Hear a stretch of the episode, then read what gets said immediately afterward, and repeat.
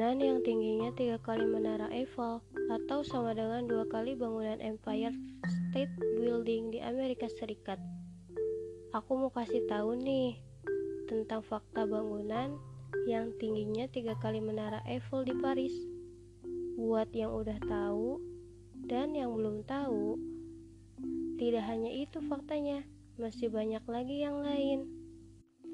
Sebelumnya, aku mau sapa kamu dulu nih. Selamat datang di podcast kataku. Selamat hari Jumat. Di kataku, setiap hari Jumat akan ada sedukasi, sedikit edukasi. Halo, hai hai, apa kabar kalian? Kuharap kabar kalian lebih baik dari hari yang kemarin ya.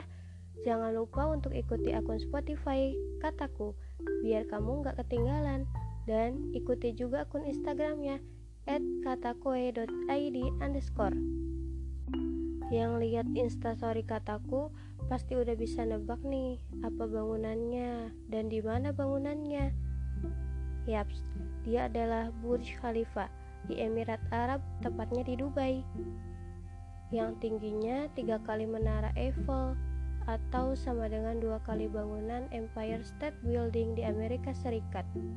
Memiliki tinggi 828 meter atau 2716,4 kaki.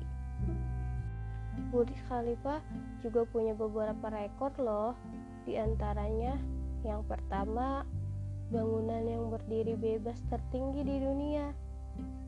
Yang kedua, gedung dengan jumlah lantai tertinggi di dunia. Yang ketiga, gedung dengan jarak tempuh lift terpanjang di dunia. Yang keempat, gedung layanan lift tertinggi di dunia. Tinggi banget ya. Yang mau masuk Burj Khalifa, harga tiketnya sekitar 650.000 sampai 700.000 per orang. Tapi itu cuma biaya buat masuk loh tiketnya tidak untuk naik ke atas juga. Kalau kamu mau naik ke atas, kamu harus bayar lagi. Pernah lihat banyak gajah nggak? Kayaknya nggak jelas ya langsung ke gajah, tapi ada hubungannya kok. Ya, paling banyak kita lihat belasan gajah kan? Coba Kebayang nggak kalau 100 ribu gajah? 100 ribu gajah. Banyaknya pakai banget kan? Ya 100 ribu gajah sama dengan berat beton untuk membangun Burj Khalifa 100 ribu gajah loh Kayak followers kamu nggak?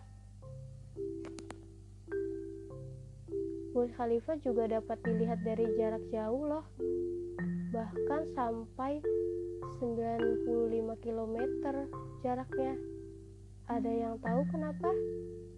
Kenapa bisa dilihat dari sejauh itu? jawabannya akan ada di part 2 ya oh iya kamu udah bersyukur belum hari ini? kalau kamu belum bersyukur jangan lupa bersyukur ya kalau kamu masih bisa lihat matahari terbit dan matahari tenggelam, berarti kamu masih dikasih umur sama Tuhan. Segini aja. Kalau kamu suka podcast ini, kamu bisa rekomendasiin ke teman kamu. Oh iya, jangan lupa senyum untuk hari ini. Have a good day. Maksudnya have a nice day. Sampai jumpa di episode selanjutnya ya. Sampai jumpa lagi di sedukasi sedikit edukasi selanjutnya. See you.